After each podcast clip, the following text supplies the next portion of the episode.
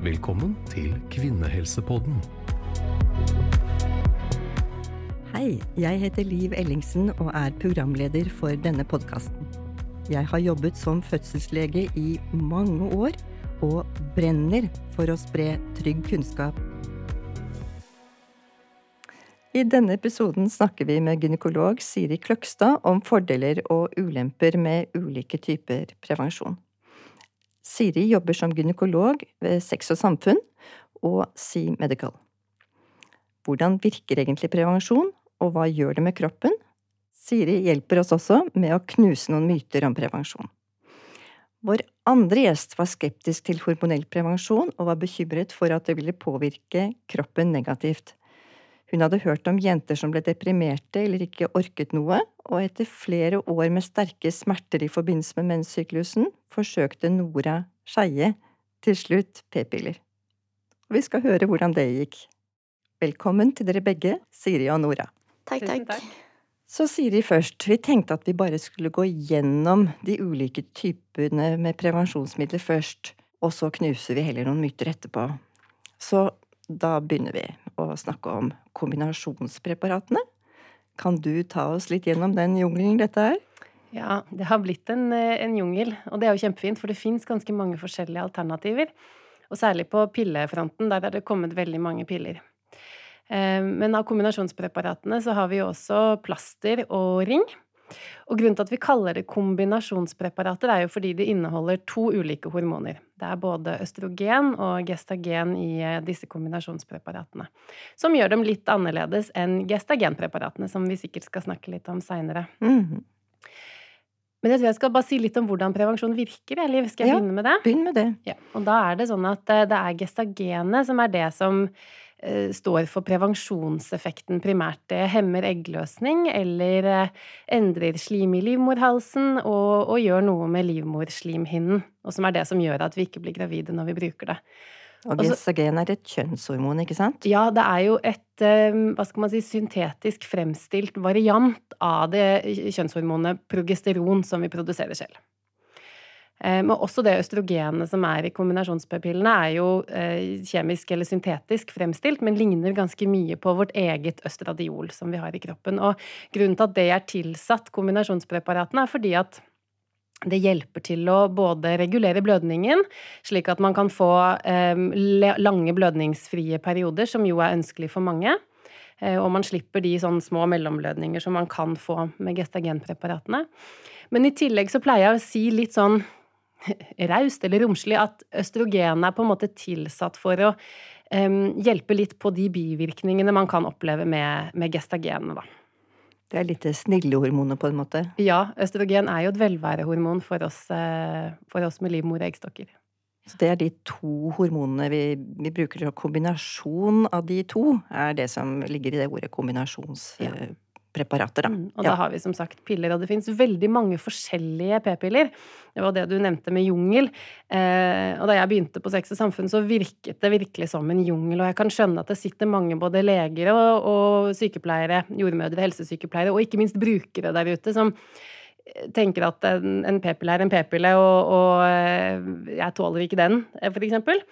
Men det som er viktig å vite, da, er at fordi det finnes så veldig mange forskjellige, Altså det er mye forskjellige eh, varianter av de virkestoffene i de p-pillene. Og det er særlig gestagenet som fins i veldig mange forskjellige varianter. Og vi trenger ikke nevne navn nå, for de er lange og vanskelige, de navnene. Men det, det som er viktig å vite, er at hvis du har prøvd en p-pille, for eksempel, og så opplevde du at eh, du liksom ikke likte kroppen din når du brukte den p-pillen, så kan du bytte. Eh, Noen eksempel får eh, litt problemer med mellomblødninger på én p-pille. Og så skifter de til en annen variant, og så er det problemet løst. Og de kommer også i litt forskjellige doser enn noen av dem er litt lavere dosert enn andre. Eh, Så derfor er det eh, viktig å vite at selv om man har forsøkt én ting, så betyr ikke det at man ikke tåler p-piller, eller man ikke tåler hormonell prevensjon, for det finnes uendelig mange valgmuligheter, altså. Og så skal man vel også prøve det, ja, de få en sjanse å prøve det en liten stund, ikke bare slutte med en eneste gang. Absolutt. Um, vi pleier å si at um, i hvert fall tre måneder, tre til seks måneder, kan det være lurt å prøve et prevensjonsmiddel før man på en måte bestemmer seg for om det er det uh, du skal fortsette å bruke eller ikke. Um, og da kan jeg jo bare, vi kan snakke litt kort om bivirkninger, for det er jo det mange eh, er bekymret for at de skal få mye av. Og grunnen til at vi vil at folk skal bruke prevensjonsmidler i tre til seks måneder før de ombestemmer seg eller bytter eller noe sånt, er fordi at mange får litt bivirkninger i starten. Noen får mer enn andre. Men aller fleste av bivirkningene går over i løpet av de første tre til seks månedene. Og da eh, er det jo gjerne blødningene som bruker litt tid på å stabilisere seg, men også om man får eh, Noen opplever litt kviser, noen får litt fett hår, og noen kan oppleve at humøret kan bli litt sånn opp og ned. Eh, men det meste går over eh, etter, eh, etter, de tre første månedene, eller tre til seks første månedene. Da. Så det er viktig å gi det litt tid før man, før man gir seg. Og disse pillene de brukes syklisk, som vi kaller det. Ja. Um, p-piller er laget sånn at det skal på en måte ligne på den vanlige menstruasjonssyklusen som uh, livmoren og eggstokkene har. Um, at man skal ha uh, ca. tre uker uten blødning, og så kommer det en uke med en blødning, eller uh, mensen, som mange kaller det. Når man bruker p-piller, så er det jo ikke egentlig mensen man har. Mensen er noe man får, en blødning man får når man ikke bruker hormoner. Mens den blødningen man får når man bruker p-piller, det kaller vi egentlig en avbruddsblødning. For det er egentlig bare det at livmorslimhinnen blør ut når man tar en pause fra, eh, fra pillen eller ringen eller plasteret. Um, men den pausen kan man godt hoppe over. Um, og veldig mange setter jo pris på å ha sjeldne menstruasjoner. Og man trodde lenge at det var viktig å ha den blødningen, men man har sett at det er ikke egentlig så viktig å, å blø. Eh, så om man ønsker å ha lange pauser, så kan man godt det. Og det gjør egentlig også prevensjonsmiddelet sikrere. Fordi at glemmer man pillen eller ringen eller plasteret sitt uka før eller uka etter den pauseuken, da, det er da man er mest usikker sånn med tanke på beskyttelse mot graviditet. Mens hvis man eh, langsykler, eller det nye kule ordet jeg hørte, som var brettsurfer, eh, at man surfer av gårde på p-pillebrettene sine, så øker man faktisk både sikkerheten med tanke på graviditet, pluss at man eh, slipper unna med færre blødninger, da. De aller fleste klarer å hoppe over mensen, som vi kaller det, eh, kanskje to, tre, fire ganger før de må ha en blødning. Eh, og mange trenger aldri å, å, ha en blødning i det hele tatt. Og hvor lenge kan man gjøre det uten Nei. å ta noe pause? Ja, egentlig uendelig. Det er ikke nødvendig med de pausene, men fordi at disse kombinasjonspreparatene inneholder østrogen, så bygger det opp slimhinnen i livmoren. Um, og det er litt varierende hvor, hvor mye den slimhinnen bygges opp hos uh, de forskjellige uh, brukerne. Men på et eller annet tidspunkt så blir den slimhinnen ofte så tykk at den begynner å småblø av seg selv, uh, selv om du ikke har tatt en pause. Og da er på en måte det kroppens signal til deg om at nå nå trenger jeg at du tar en pause fra de eh, p-pillene, eller ring eller plaster. Um, og da er jo de pillebrettene ofte laget sånn at det skal være syv dager pause. Men det er ikke nødvendig med fulle syv dager. Du klarer deg ofte med tre-fire. Noen trenger kanskje fem, men man trenger gjerne ikke syv eh, dager. Da, Dette er jo veldig nyttig, og når du i tillegg da gjør prevensjon sikrere med at du ikke eh, får det oppholdet hvor man ofte da glemmer å komme i gang igjen, ja, ikke sant? så er det jo bare fordeler med å gjøre det på den måten. Ja, det er jo det. Og så er det jo sånn at man kan bruke mm, prevensjon av andre grunner enn at man ikke ønsker å bli gravid, eller en sånn tilleggseffekt. Og det er jo det at de som sliter med mye smerter eller store blødninger under menstruasjonene sine, de vil eh, Altså de aller fleste vil få mindre smerter og mindre blødning når de mm, når de bruker hormonell prevensjon. Og da er det jo også en fordel at det går lenge mellom hver gang man må ha en blødning. For selv om man da bruker hormonell prevensjon, så kan den blødningen fortsatt være litt vond, ehm, og det er jo en blødning som man kanskje ønsker å unngå. Så jo lengre opphold man kan ha, jo bedre er det. Og så er det en annen ting som er greit å vite, at eh, selv om man i starten kanskje ikke klarer å surfe så mange brett, at man klarer å hoppe over mensen så mange ganger, så jo lengre man bruker eh, p-pillen eller ehm, plasteret eller ringen eller hva man nå bruker, jo eh, lengre intervaller klarer man ofte å oppnå mellom de eh, avbruddsblødningene. Og det var p-pillene. Skal vi Vi har mange vi skal gå gjennom. Skal vi rett og slett gå videre til eh, p-plasteret? For det er også denne kombinasjonen av et ja. Eh, gestagen og et mm. østrogen. Ja. ja. Og det som er eh, fordelen med plasteret, da, det er jo at man trenger ikke huske på noe hver dag. Eh, plasteret må byttes én gang i uka. Så da må du jo huske det en gang i uka, og for noen er det vanskeligere enn å huske en pille hver dag, men for noen er det lettere.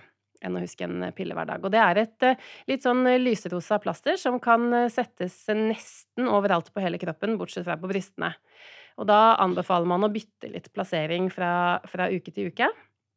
Og her kan man også hoppe over mensen eller plastersurfe om man vil. Eh, og da bare sette på et nytt plaster når du egentlig Det var planlagt en pause. Um, og så har vi ringen, da, uh, som er en annen uh, form for kombinasjonspreparater. Og den settes opp i skjeden. Det er en liten sånn gummiring, eller plast, myk plastikkring, som klemmes sammen og settes opp i skjeden nesten som en tampong. Og den skal sitte der i tre uker før den må byttes. Og igjen, her kan man, er den egentlig planlagt å ha en sånn ukepause før du setter inn en ny ring, men det trenger man ikke. Man kan bare sette inn en ny ring direkte. Og det mange lurer på, er jo kan den ringen være der når man har samleie, da? Og det kan den. Det er klart at eh, partner vil kunne kjenne den både med fingre og, og med penis, men um, det er ikke noe problem at den er der. Men ønsker man å ta den ut, så kan man godt det. Så den kan fjernes og være ute ca. tre timer per døgn, eh, og allikevel eh, ha den samme prevensjonseffekten, da. Må bare skylle den og så sette den tilbake på plass. Um, og det er jo varierende hva folk liker. ikke sant? Ringen den trenger du bare huske på å bytte hver tredje uke, så den, for mange er det en ganske sikker prevensjon.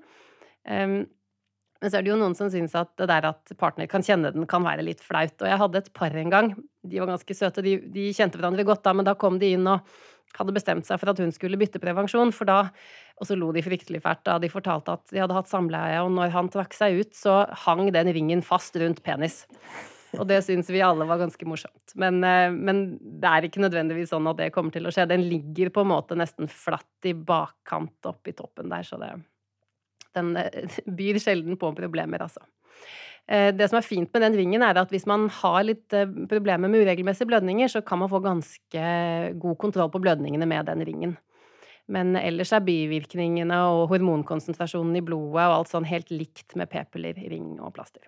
Ja, og dette er sikre prevensjonsmidler.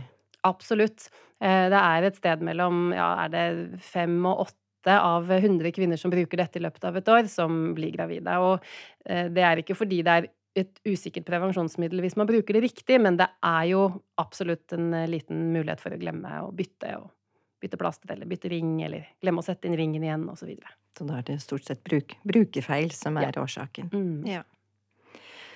Så da går vi videre, og da har vi kommet til det vi kaller for gestagenpreparater, som altså bare har ett hormon i seg. Mm. Gestagenet. Ja, eh, og det nevnte jeg jo litt i stad, hvordan det eh, fungerer. Så um, hovedforskjellen på kombinasjonspreparatene og gestagenpreparatene er vel kanskje det at med gestagenpreparatene så bruker man en pille hver dag, eller Den kommer jo også i form av en, et implantat, en liten sånn p-stav, eller spiral, eller sprøyte.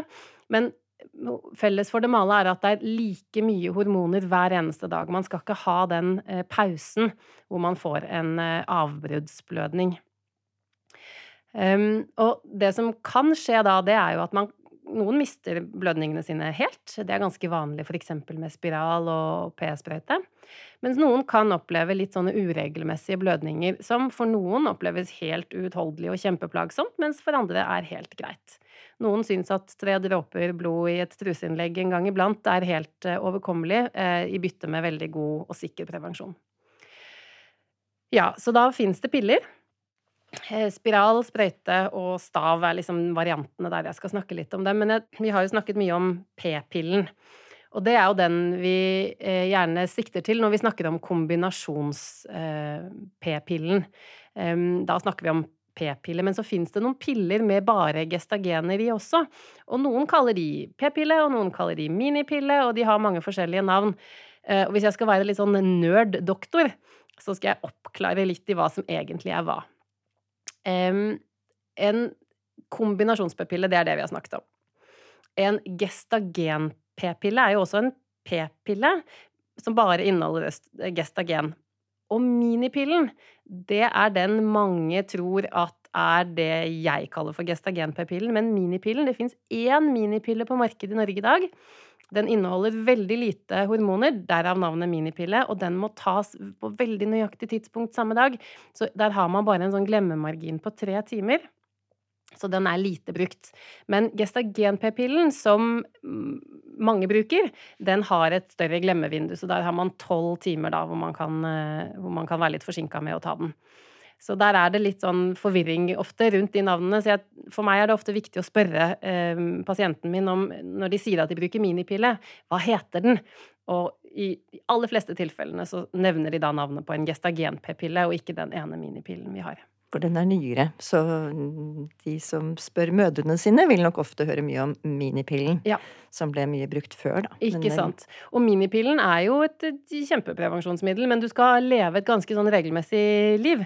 Eh, og være veldig flink til å ta pillene dine for at den eh, skal være sikker nok prevensjon. Så eh, til de aller yngste så anbefaler vi ofte litt andre former for prevensjon, da.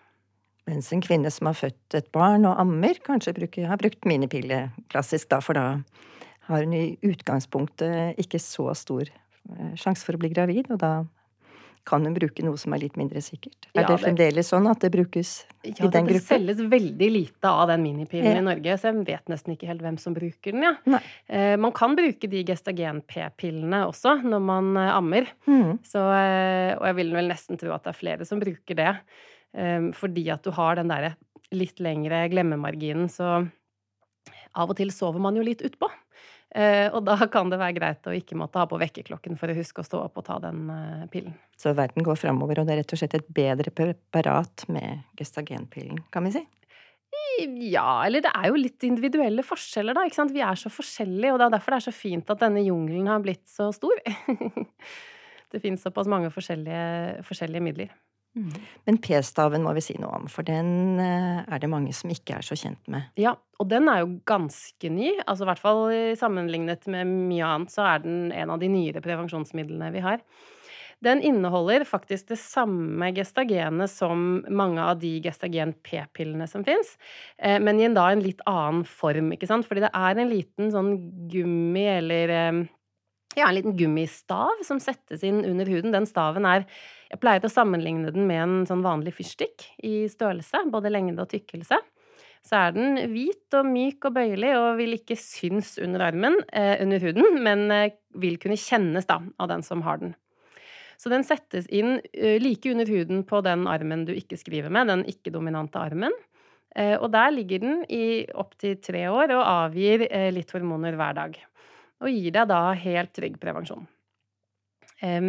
det som er med p-staven, da, det er at den har nok fått et kanskje litt ufortjent dårlig rykte av to årsaker. Og det ene er at den kan gi litt uregelmessige blødninger. Vi pleier å si at ca. en tredjedel mister blødningene sine helt. Eh, ca. en tredjedel får eh, uregelmessige blødninger, og det kan jo da være alt fra tre dråper blod i et ruseinnlegg en gang iblant til nesten daglig. Um, og noen fortsetter å blø som før, med en syklisk blødning en gang i måneden. Er det også sånn at det er mest i starten at det er uh, uregelmessige blødninger? Absolutt. Og det er derfor igjen, da, tre til seks måneder bør man gi det før man eh, bestemmer seg for å, å, å bytte eller, eller, fortsette, da. Så det går, det går, seg veldig ofte til, og på p-stav er det veldig mange som blør uregelmessig i starten. Uh, men som sagt en tredjedel som ender opp med å ha veldig lite blødninger til slutt. Så den, det er liksom den ene årsaken til at p-staven kan ha et litt dårlig rykte. Vi, vi, pleier ofte å si at det er litt sånn elsk-hat-forhold til den p-staven. De som elsker den, de elsker den og har p-stav etter p-stav etter p-stav. Mens de som hater den, de, eh, de, de hater den ganske intenst og kommer løpende tilbake for å få tatt den ut. Og da kom jeg litt inn på det andre grunnen til at p-staven kanskje har fått et litt dårlig rykte, og det er det at noen har opplevd at det har vært vanskelig å få fjernet p-staven sin. Um, hvis p-staven settes helt riktig, på riktig sted eh, på innsiden av overarmen, like innunder huden, så er den veldig lett å fjerne. Alle leger med, og helsesykepleiere og jordmødre som har fått litt opplæring i det, gjør det veldig enkelt med litt lokalbedøvelse og en kniv. Men fordi Ja, nå rynker du på nesen. Det er godt bedøvd da, Nora. Ja. Eh, men, eh, men, det som skjer av og til, det er at hvis man ikke har fått eh, god nok opplæring i å sette den inn, så kan man risikere at man setter den enten litt for dypt eller på feil sted. Og noen har nok opplevd å fått p-staven satt i en sånn grop mellom biceps og triceps på innsiden av overarmen, og der er det mye blodårer og nerver og sånn. Så der kan den eh, være litt vanskelig å fjerne. Og så er det noen som har fått satt den litt dypt, og da kan den også være vanskelig å fjerne. Um, så vi i Sex og Samfunn reiser mye rundt for å drive opplæring på dette, for å, å, hjelpe folk til å få satt den inn riktig. For får vi bare satt den inn riktig, så blir jo hele fjerningsproblemet borte. Kan man si at, uh, at det er lurt å forsikre seg om at den legen som Eller den som skal sette inn p-staven, uh, er vant med det før man gjør det? Ja, det kan man jo godt forsikre seg om, men jeg tenker at det er vel kanskje egentlig den legen eller helsesykepleieren eller jordmoren som skal sette den inn, som skal være sikker på at den er eh, trygg på å gjøre det og, og, og, har fått god nok opplæring. Mm. Mm. Så det var p-staven, og da er vi over til spiral, altså hormonspiralen. Ja, Um, og hormonspiralen, den eh, Eller spiralen har jo eksistert uh, ganske lenge. Og så vet jeg ikke riktig akkurat når hormonspiralen kom på markedet, men det er altså da en, eh, en litt sånn T-formet eh, sak som du setter inn i livmoren. Som inneholder en sånn gummibeholder eh, med hormoner. Og det fins flere forskjellige varianter på markedet i dag. Det fins både litt forskjellig størrelse på de, og litt forskjellig hormonmengde. Og den som inneholder aller mest hormoner, den gir faktisk prevensjon i opptil åtte år. Så det er både en ganske billig investering og ikke minst en grei investering med at du må opp i den undersøkelsesbenken og få satt inn en spiral én gang, og så kan du vente åtte år. Og ikke minst, etter at man har fått sine barn, så er det jo mange som velger denne formen for prevensjon. Det er det. Og hva skal man si, fra i gåsehudene gammelt av, da, så var det også litt sånn det skulle være. Du skulle ikke ha eh, spiral hvis du ikke hadde født barn. Men man har sett nå at det er, eh, det er ikke et problem. Man kan godt ha både vanlig altså kobberspiral og hormonspiral før man har født eh, sine barn. Det gjør nok kanskje litt vondere å sette den inn eh, før man har født, eh, fordi at livmorhalsen er litt trangere, men man kan få litt lokalbedøvelse på livmorhalsen, og de fleste klarer det der veldig greit, for det er så utrolig kortvarig at det gjør litt vondt. Så hormonspiralen finnes som sagt i flere størrelser. I hovedsak er det liksom tre størrelser. Da. Det er liksom liten, mellomst og stor. Og det er liten er tre år, mellomst er fem år eller seks år, og stor er åtte år. Litt avhengig av hva du har behov for, da, hvor, ja. hvor du er i livet. Ikke sant. Litt hvor du er i livet, og hvor viktig det er for deg å begrense blødningene. For det er klart at den med mest hormoner vil jo ha best effekt på blødningene. Og den med mest hormoner er også veldig fin å bruke når du går mot overgangsalder, for da vil den kunne regulere de uregelmessige blødningene man kan få inn mot overgangsalder ganske bra. Men det å slippe blødningene er jo noe veldig mange ønsker. Men ikke alle, og det er litt viktig å ta det med i bildet også. For noen er det viktig å ha en månedlig eh, blødning. Men um, hormonspiralen kan gi litt bivirkninger, den også. For selv om den virker primært i livmoren ved å gjøre eh, slimhinnen i livmoren litt sånn tynn og, og lite gjestmild for et befruktet eh, et befruktet egg, så, så, frigir den litt hormoner til blodbanen, den også, sånn som de andre prevensjonsmidlene. Eh, så den vil kunne gi litt bivirkninger, men igjen, der er det lurt å, å vente en stund før man på en måte bestemmer seg for om man, om man liker den eller ikke. Men der vi har sagt tre til seks måneder med de andre prevensjonsmidlene, vil jeg strekke meg helt til tolv måneder med hormonspiralen. Man ser at eh, jo lengre man bruker spiralen, jo eh, sjeldnere og mindre blødninger vil man få. Og den bedringen ser man opp til ett år etter at den er eh, satt inn. Så da får du igjen for det senere, at ja, du har holdt ut? Ja. Tenker på det som en investering, da. Både det at den er litt ubehagelig å sette inn, og koster jo lite grann i innkjøp, men sånn eh, totalt sett over tid, så sparer man jo penger både på bind og tamponger, og, og i det at du ikke trenger å kjøpe noen ting hver måned og ja, bruke som man må med en pille, eksempel, du hører jo ganske ofte at folk sier at du har ikke Jeg tålte ikke spiralen, men da har de kanskje rett og slett ikke hatt tålmodighet til å ha den inne lenge nok? Det kan være det, absolutt. Men det kan også være det at de eh, rett og slett spiral ikke fungerte så godt for dem. Vi vet at en av eh, bivirkningene med spiral er jo det at noen får litt vondt. Eh, mange har litt vondt i starten, eh, kan få litt sånn menskramper de første ukene eller månedene etter at den har satt den inn, men hos noen gir ikke det seg. De kan ha smerter ved samleie, som støtsmerter f.eks. Og da kan det være fornuftig å gå og få det undersøkt hos gynekolog og gjort en ultralydundersøkelse og se om spiralen sitter riktig. Og i de aller fleste tilfeller så gjør den jo det. Og så skjønner vi ikke helt hvorfor det gjør vondt, men da vil det ofte hjelpe å fjerne den. Og da er det kanskje et annet prevensjonsmiddel som er riktig for eh, den personen, da. Så prøve seg fram er viktig. Ja, um, si litt om det, fordi jeg har en, en, god kollega som pleier å sammenligne det med å prøve kjoler. Uh, av og til så må man inn i prøverommet mange ganger for å finne den rette julebordkjolen. Uh, og av og til så er det full treff på første forsøk. Jeg, har jo vindusshopper ofte og har gått og tenkt sånn wow, den kjolen der, den vil jeg prøve. Jeg går inn i prøven og tenker sånn eh, nei, det var ikke for meg, gitt. Har du sett? Og så kommer da hun som jobber i butikken med en veldig rar kjole som henger på en kleshenger, og jeg tenker nja Men hun insisterer så veldig på at jeg skal prøve den. Inn, vet du, og den sitter som et skudd. Så det er lurt å gå tilbake til den helsepersonellet som har gitt deg prevensjonen i utgangspunktet, hvis du føler at kjolen ikke passet. Gå tilbake og snakk litt med dem før du bare slutter selv. Eh, for veldig ofte så kan man bytte enten administrasjonsform eller eh, type hormon. Så blir det veldig ofte bedre. Det fins et prevensjonsmiddel for de fleste.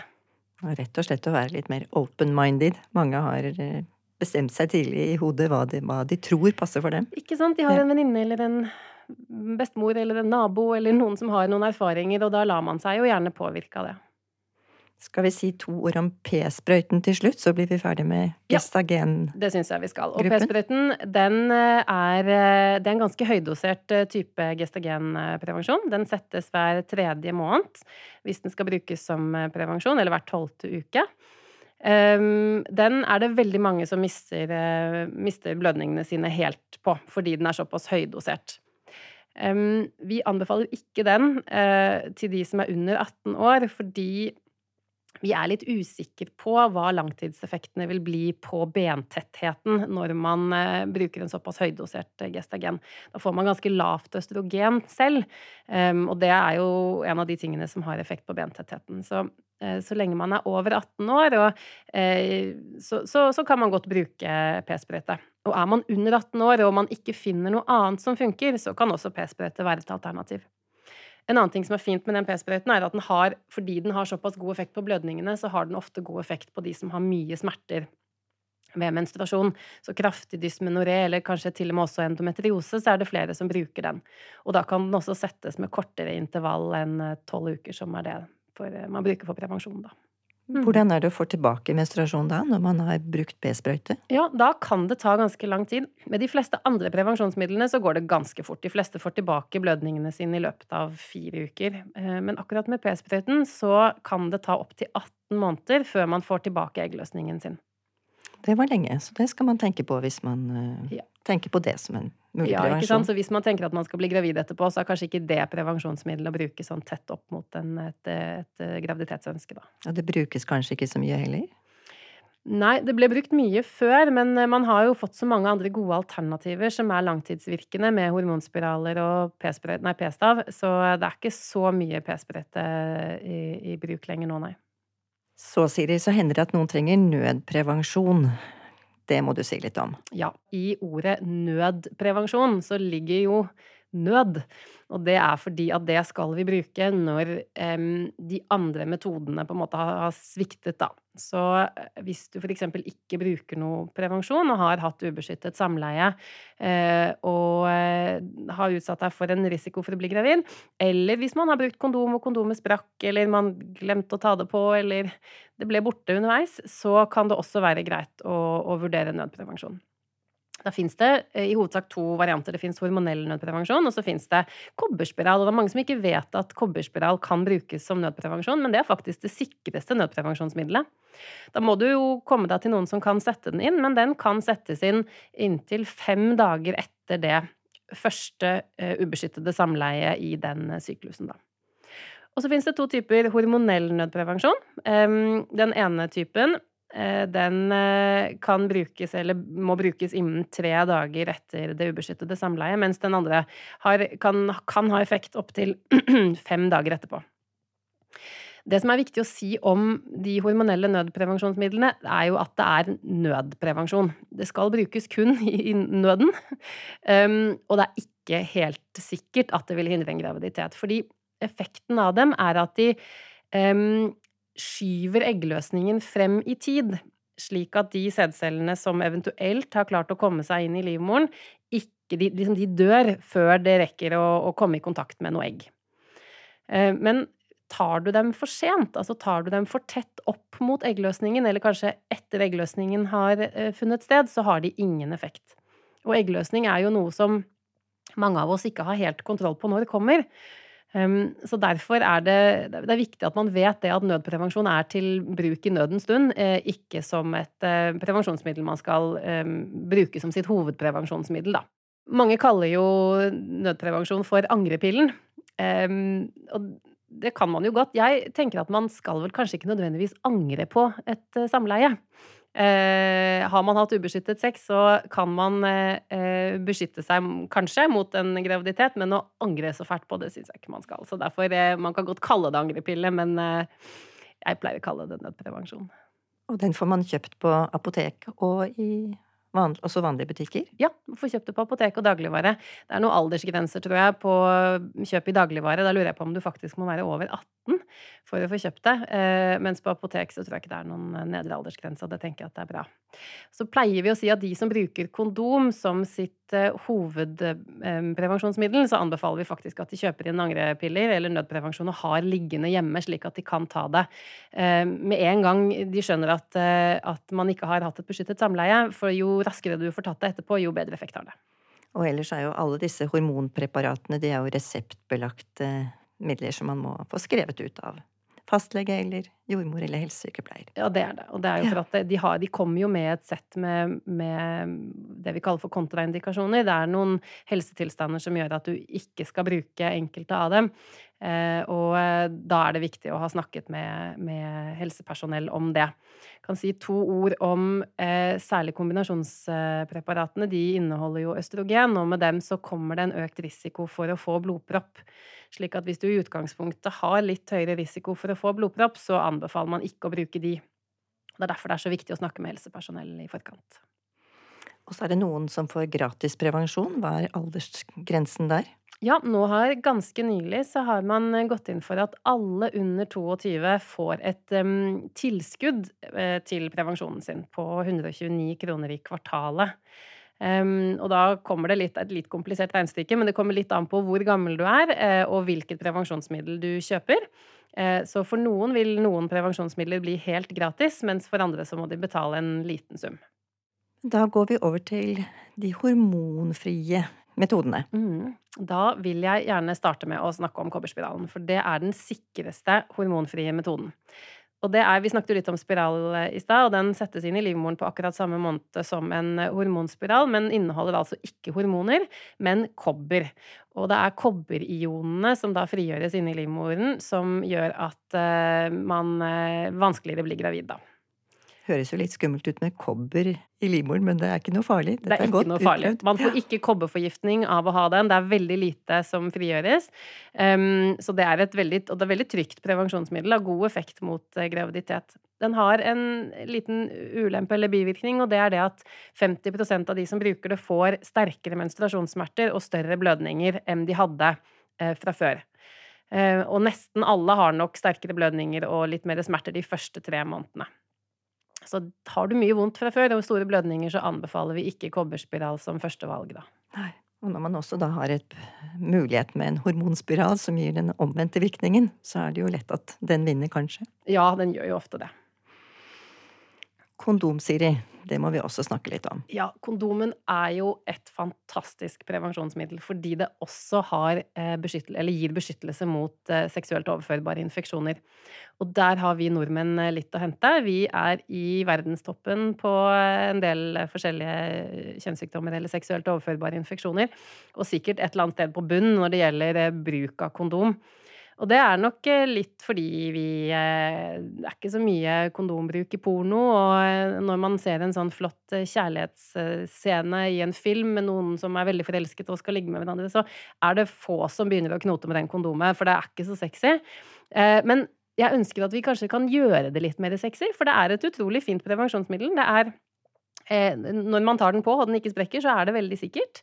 Um, fordi at det er litt brukerfeil, så gjør det at det er omtrent 15, kanskje 18 av 100 som blir gravide per år når de bare bruker kondom. Eh, men får man den på og man gjør det riktig, så er det ganske sikkert. Og så er det det eneste prevensjonsmiddelet som da faktisk beskytter mot seksuelt overførbare infeksjoner. Og så er det helt hormonfritt. Og så er det jo faktisk foreløpig det eneste som, kan, eh, som de med penis kan ta ansvar for å bruke, da.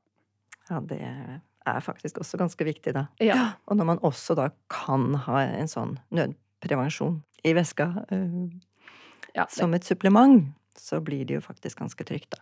ja det, Mm. det, det, er ikke, det er ikke feil å bruke kondom som eneste prevensjonsmiddel. Det er mange som, som sverger til det fordi at mye annet ikke fungerer så godt, da.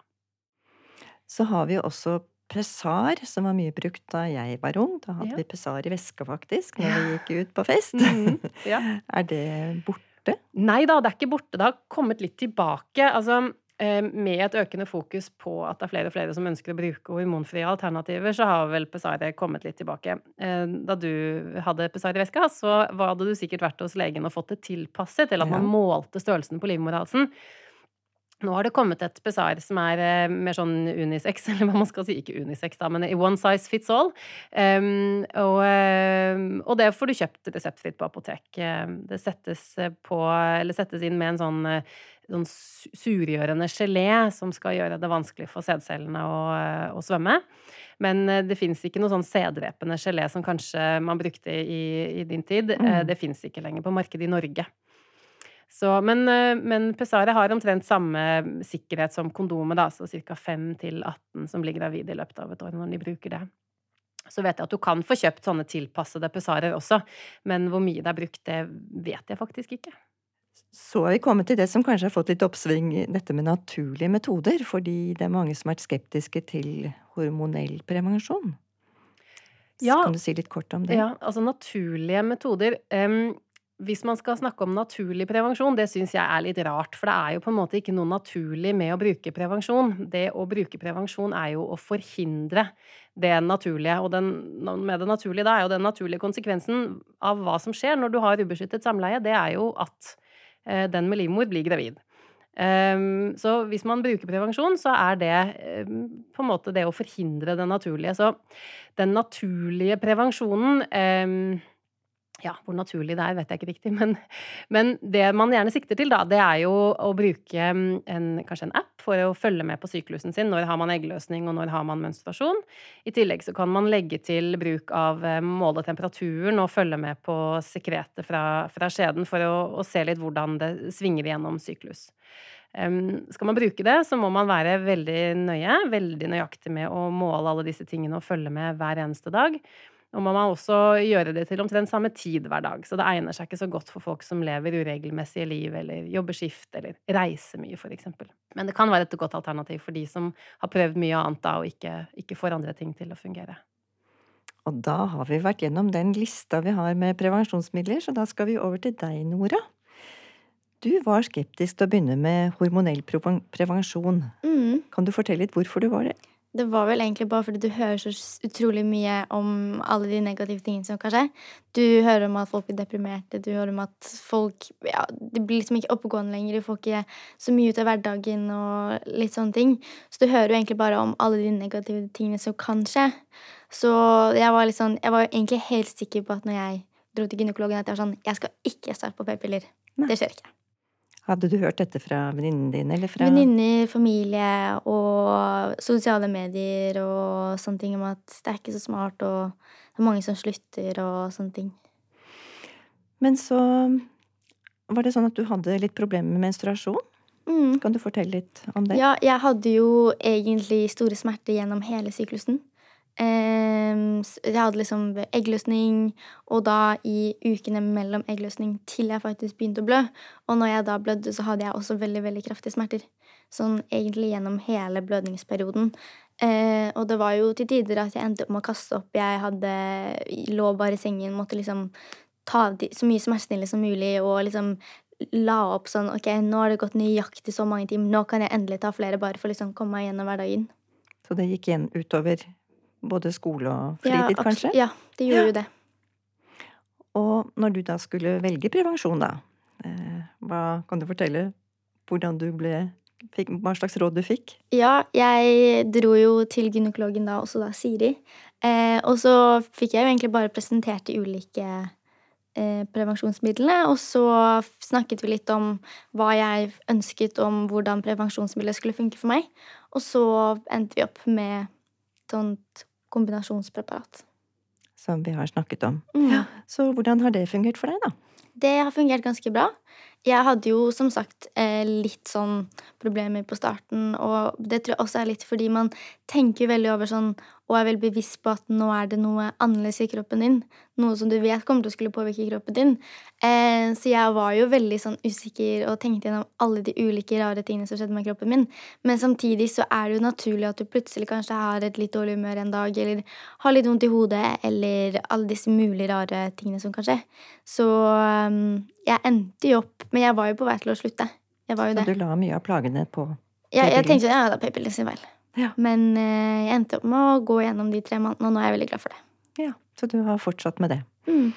Hvordan har du det i dag? Bruker du fremdeles p-piller? Ja, det gjør jeg. Jeg er eh, veldig, veldig glad for at jeg har dem. Eh, og nå slipper jeg å grue meg til eggløsning og grue meg til å ha vondt, og nå kan jeg liksom gjøre får jeg mye mer ut av hverdagen.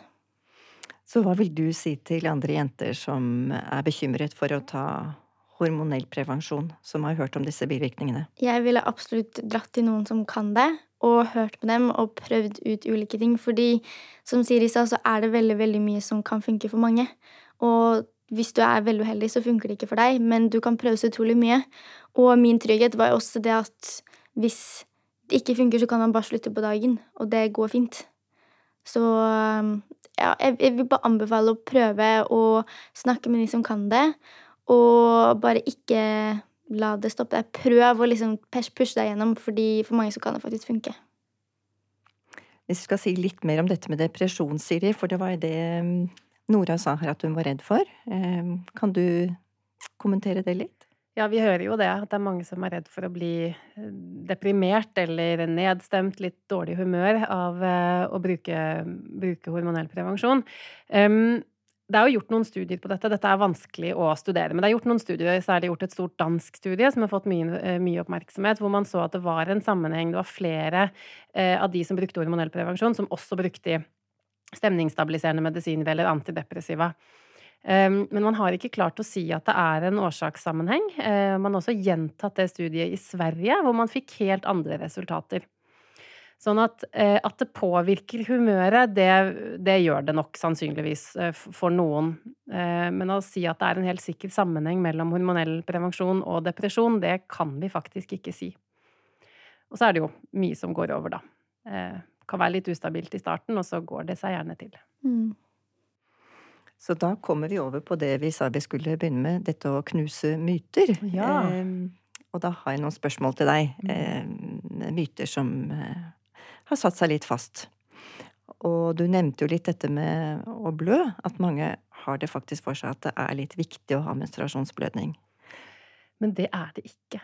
Det er ikke nødvendig å ha den blødningen. Den kommer som en konsekvens av eh, naturlig syklus hvis man ikke bruker prevensjon. Men bruker man prevensjon, så gjør gestagenet i prevensjonen sånn at man ikke må blø hver måned. Slimhinnen holder seg slank og regulert inni livmoren, eh, det er ikke nødvendig å blø. Det er ikke sånn at blodet hoper seg opp, eller at det blør ut andre steder. Det er bare det at slimhinnen blir ikke så tykk at den nødvendigvis må blø hver måned. Men eggene da, Siri? Ja, hvor blir det av de? blir det av de? Em, nei, eh, eggene de er jo så små. Altså det er jo bare en enkelt celle em, som er så liten at vi kan jo ikke se den med blotte øye.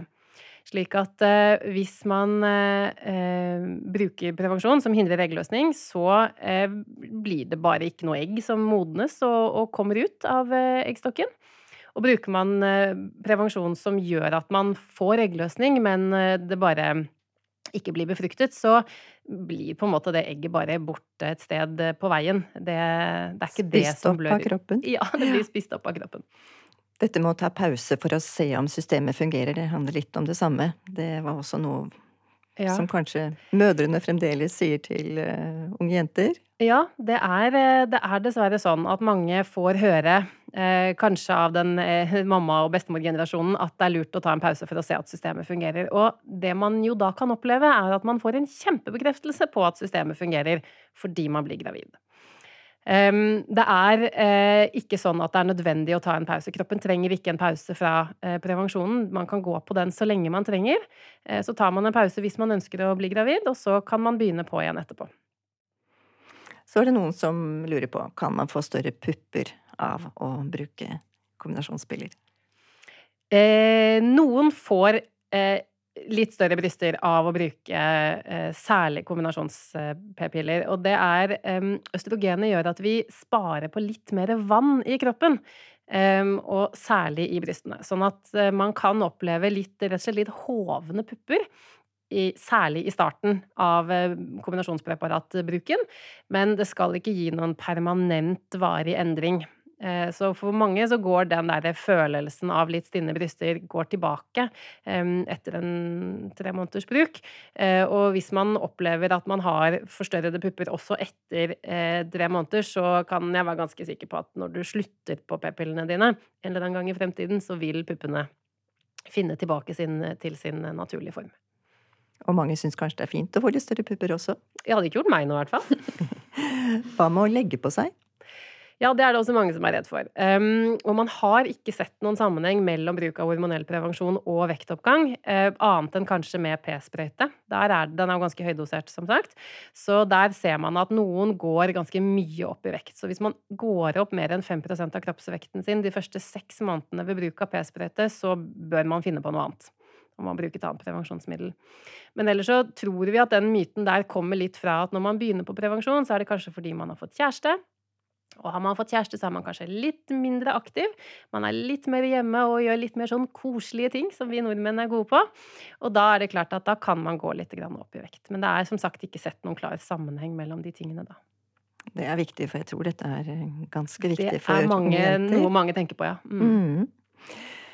Er det vanskelig å bli gravid når man ønsker det senere? Mange vil jo gjerne vite om de kan fort bli gravide. Mm. Og vi vet jo aldri hvor fort eh, en person kan bli gravid. Men eh, det er ikke prevensjonen sin skyld hvis det tar litt tid. Eh, man får tilbake eggløsningen sin eh, i løpet av to til fire uker etter at man slutter på eh, prevensjon. Sånn at eh, det skal ikke være vanskelig å bli gravid etterpå. Det eneste er som sagt med den p-sprøyten, det snakket vi jo litt om i stad, da kan det ta opptil 18 måneder å få tilbake eggløsningen sin. Og så har det vært litt ute i mediene at hormonell prevensjon faktisk fører til feil valg av kjæreste. Kan du si noe om det? Eh, nei, jeg kan ikke egentlig si så mye om det. Nei. Um, vi, vi, tror ikke at, uh, at, hormonell prevensjon endrer på en måte tiltrekningsmønster eller, uh, eller, den mentale statusen din i så stor grad at det vil ha innvirkning på valg av partner. Så jeg tror at man trygt kan um, være sammen med den man er sammen med, både med og uten prevensjon. Og hvis man kjenner at det er på tide å gjøre det slutt og gå videre, så gjør man det. Uavhengig av hva slags prevensjonsmetode man velger. Da tror jeg vi er kommet til veis ende for i dag, så tusen takk til deg, Siri, for at du har loset oss så fint gjennom de ulike prevensjonsmidlene.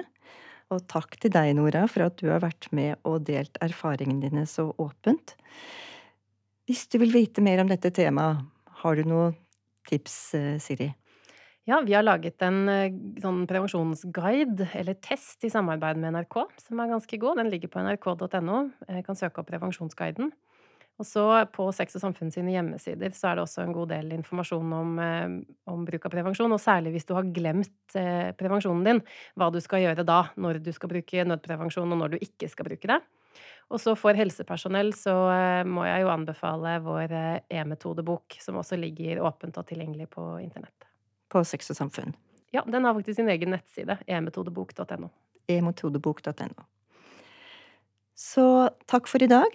Følg oss gjerne på Instagram-kontoen vår Kvinnehelsepodden, og takk til dere. Takk, Tusen takk.